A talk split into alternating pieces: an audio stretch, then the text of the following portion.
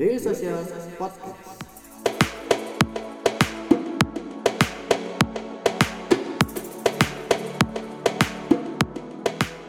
Halo halo semua Em, pendengar DS Podcast.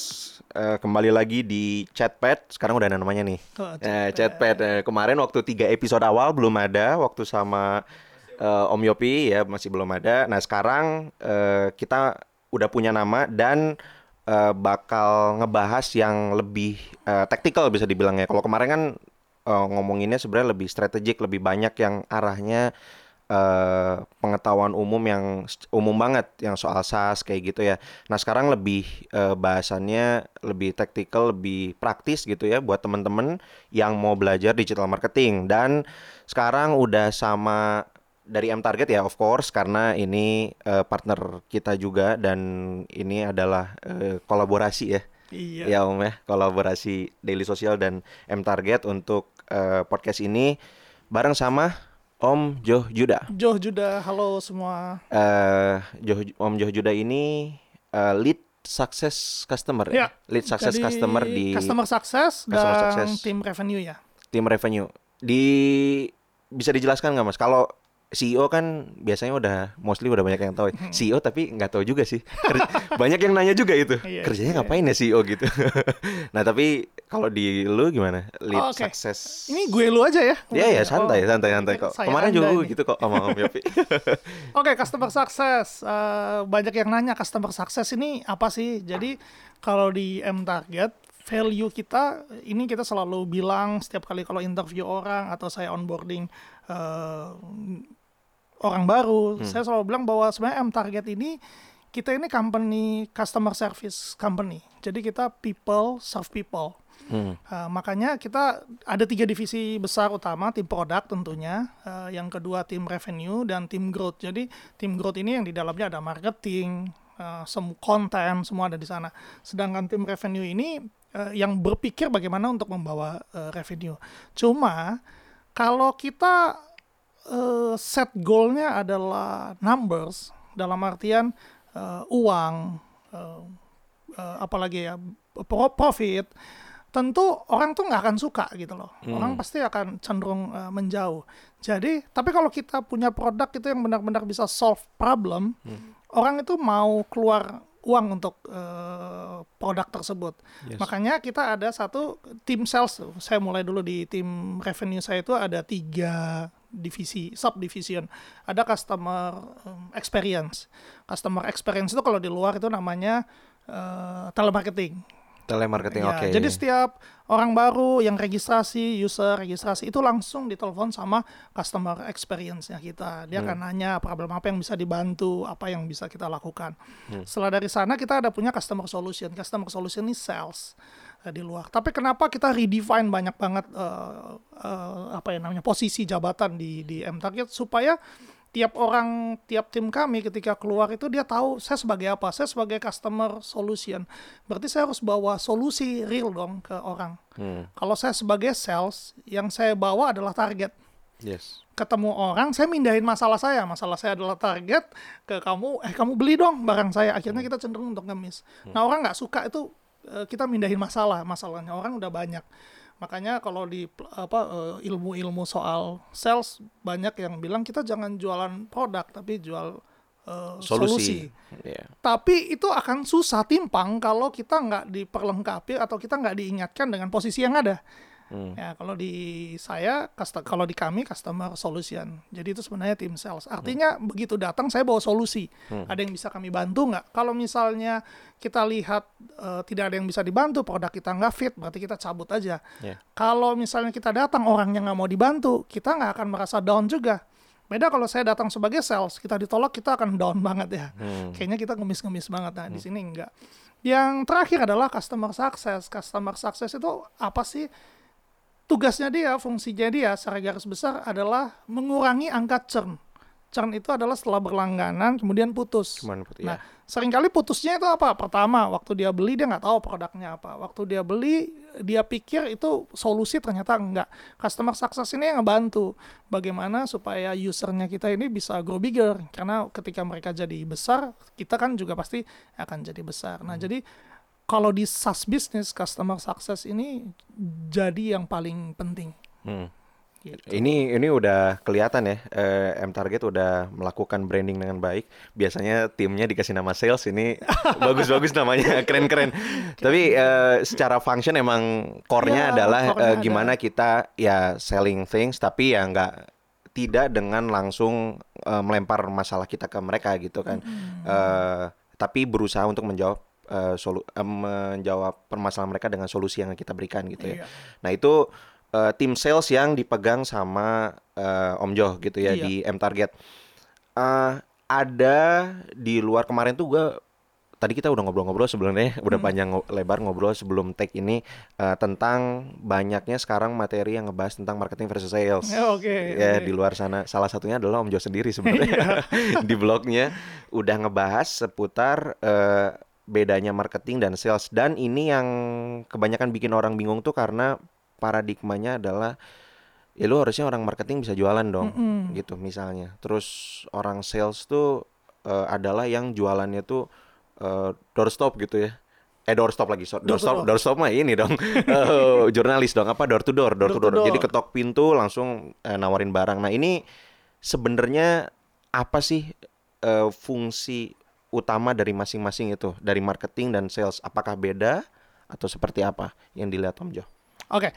Jadi eh, ini menarik nih antara bedanya antara marketing bedanya dulu sama kita sales. ngebahasnya. Jadi kenapa kita perlu tahu bedanya? Karena sering kali nih yang terjadi. eh, kenapa penjualan kita nggak efektif? Hmm. Karena saha, karena yang seharusnya kita melakukan kegiatan marketing, kita malah sales berjualan. Dan ketika seharusnya kita berjualan, kita malah melakukan marketing. Hmm. Makanya sering kali nggak convert gitu. Karena ini lu harusnya udah closing, kita malah sibuk mempromosiin. Hmm. Yang seharusnya kita promosi enggak lu harus jualan nih. Nah, Iya, itu iya. yang sering kali rancu. Nah, jadi kita perlu tahu dulu bedanya. Nah, ada beberapa orang yang bilang sales sama marketing tuh sama aja. Nah, yang bilang sama tuh biasanya ada dari industri eh, otomotif. Biasanya Hmm. waktu tukaran kartu nama, oh iya saya bagian marketing, padahal sebenarnya dia sales. Iya. Ya, cuma supaya nggak tahu eh, mungkin eh, saya nggak tahu apakah malu atau Iya. ataukah tidak pede untuk bilang saya adalah sales dari Padahal dua-duanya role-nya juga punya role masing-masing gitu ya, Iya. bukan dalam satu function gitu kan. berhubung dalam satu Heeh. function. Atau dari insurance biasanya juga seperti itu. Oh Iya. saya marketingnya ini padahal sebenarnya yang dia lakukan adalah kegiatan sales. Ya dia berusaha closing deals. Eh, ada lagi yang bilang oh bedanya kalau marketing tuh tukang ngabisin duit. Kalau Iya. sales itu tukang Ah. eh, nyari duit. Iya, iya, itu- ada yang itu. seperti itu. Banyak juga. Nah, tapi saat ini ke- antara kegiatan sales dan marketing tuh justru harus hybrid. Kalau zaman dulu eh, memang marketing itu KPI-nya adalah exposure. Makanya dia akan belanja spend money sebanyak-banyaknya. Eh, zaman dulu kegiatan marketing itu sebatas billboard, TVC.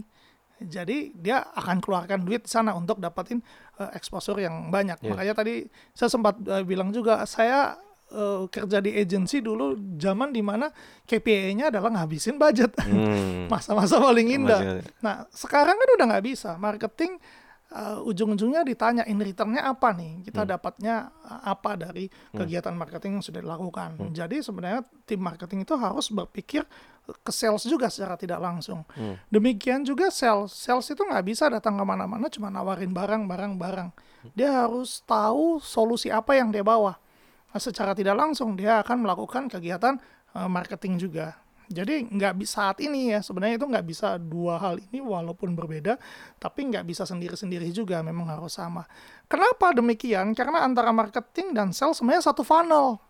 Jadi kalau di dalam funnel sales marketing itu ada yang paling atas tofu top of funnel, bofu eh mofu middle of funnel, sama bofu eh, bottom of funnel.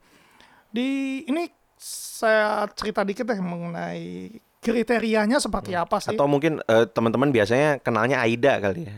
Eh, awareness, interest, desire, Ya. action yang kayak gitu. ya, boleh, Ah, ah. boleh, boleh bisa Ada yang itu. nyebut itu, ada yang kalau ini ada yang tadi apa? Eh, ini funnel. eh, funnelnya. Jadi, jadi dari uh, tofu, mofu dan tofu, uh, mofu dan bofu ya. Oke. Nah, tofu itu top of funnel. Nah, ini juga nanti akan berhubungan dengan konten. Hmm. Ada banyak banget orang tuh yang salah ngelemparin konten karena tidak mengerti antara perbedaan marketing sama sales yang tadi. Kalau zaman dulu konvensional marketing itu semua levelnya di TOFU, top of funnel. Awareness aja yang ngincarnya. Makanya ngabisin duit.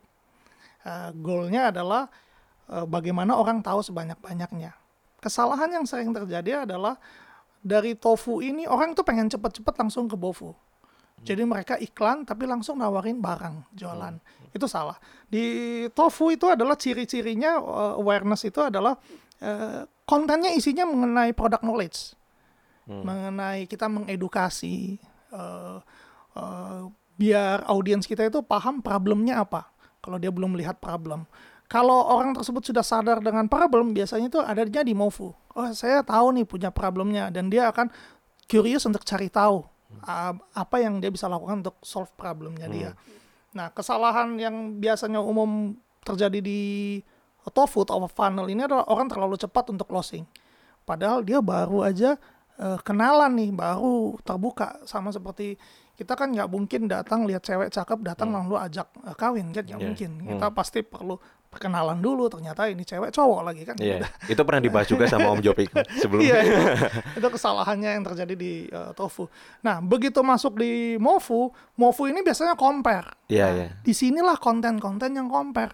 Kalau kita taruh konten-konten kita yang compare di atas, Hmm.